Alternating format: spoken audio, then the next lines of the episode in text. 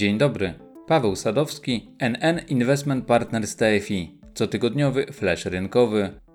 W zeszłotygodniowym komentarzu Wojtek Kiermacz wspominał o rekordowych napływach do globalnych funduszy akcji.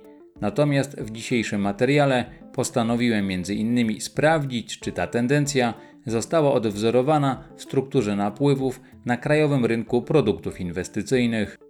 O ile sam kierunek przepływu aktywów w stronę produktów o wyższym potencjale zysku i ryzyka jest tożsamy, to jednak skala i dynamika jest nieporównywalnie mniejsza.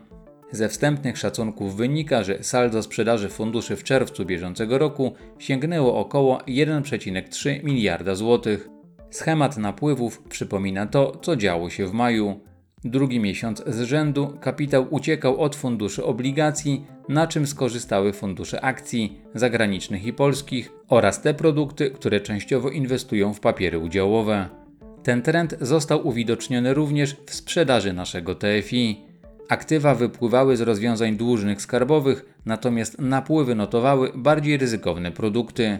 Najwięcej kapitału przyciągnął NN Indeks surowców, jednak popularnością wśród inwestorów cieszyły się także fundusze globalnych obligacji korporacyjnych, mieszane oraz akcji, w tym średnich i małych spółek. Wspomniane rosnące zainteresowanie produktami, które operują na krajowym parkiecie akcji, może generować pytania o perspektywy zachowania w przyszłości rodzimych indeksów. Krajowe akcje nie są drogie, a do końca roku WIG powinien iść w górę, podążając za rosnącymi zyskami spółek. Przytoczona opinia należy do dyrektora zespołu analiz NN Investment Partners TFI Bartłomieja Chyłka. W jego ocenie inwestorzy mogą niedługo zaakceptować wyższe poziomy wskaźnika ceny do zysku, co dodatkowo wzmocni warszawski indeks giełdowy. Skąd takie założenie? W Polsce dynamiki wzrostu zysków będą wysokie ze względu na niską bazę i zeszłoroczne odpisy. Po ich oczyszczeniu możemy mówić o dynamice na poziomie około 30% rok do roku. Na ten moment mnożnik P do E dla WIG na poziomie 15-16 jest zatem podwyższony, ale do zaakceptowania. Przy stabilnym mnożniku indeks może zatem jeszcze wzrosnąć, podążając za wynikami. Dodatkowo, jeżeli w Polsce niskie stopy procentowe utrzymają się przez dłuższy czas, a takiej narracji uparcie trzyma się Rada Polityki Pieniężnej, to inwestorzy będą w stanie płacić wyższe mnożniki. Z kolei ze względu na ujemne poziomy realnych stóp procentowych zaczyna brakować alternatywy dla inwestycji w akcje, przez co coraz więcej środków trafia na giełdę. W końcu klienci TFI zauważyli lepsze zachowanie akcji, co widać po wpłatach do funduszy inwestycyjnych. Jest jeszcze strumień płynący co miesiąc na rynek z pracowniczych planów kapitałowych. To jedno z większych źródeł sukcesów małych i średnich spółek i wyników, jakie zostały wygenerowane na MWIG 40 i SWIG 80. Do instytucji zarządzających PPK co miesiąc płynie łącznie około 300-400 milionów złotych, z czego około 30% trafia na GPW.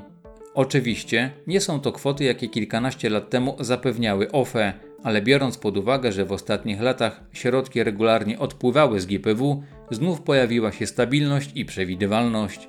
Kiedyś krajowe akcje handlowane były z dodatkową premią ze względu na stałe napływy od OFE i te czasy mogą się niedługo powtórzyć za sprawą PPK. Jeżeli chodzi o zachowanie poszczególnych sektorów, to do łask mogą wrócić spółki szeroko rozumiane jako technologiczne, w tym także z branży e-commerce, które mają za sobą słabsze półrocze. Jesteśmy po okresie, gdy ich wyniki poprawiały się, a jednocześnie często kursy szły w dół.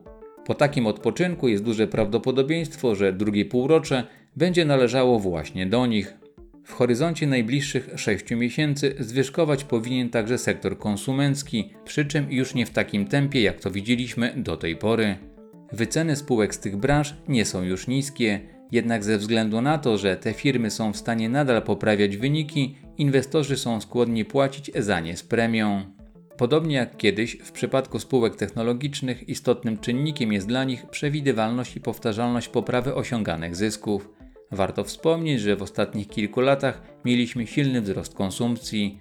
Zmiany, które proponuje Polski Ład, czyli wyższy dochód rozporządzalny dla większej liczby Polaków, powinien przełożyć się na jeszcze większą konsumpcję. Jeżeli sytuacja pandemiczna nie ulegnie pogorszeniu, to nasz scenariusz bazowy zakłada poprawę wyników. Z dużym prawdopodobieństwem najbliższe miesiące wypadną dla nich pozytywnie i prawdopodobnie przeniesie się to także na kolejny rok. Na koniec warto dodać, że za nami bardzo udana połowa roku dla GPW. Indeks WIG pobił historyczne szczyty, a fundusze z ekspozycją na rodzimy parkiet dały sporo zarobić.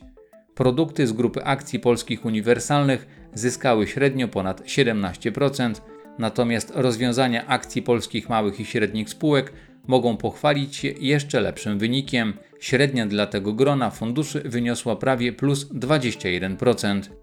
To tyle na dzisiaj i do usłyszenia.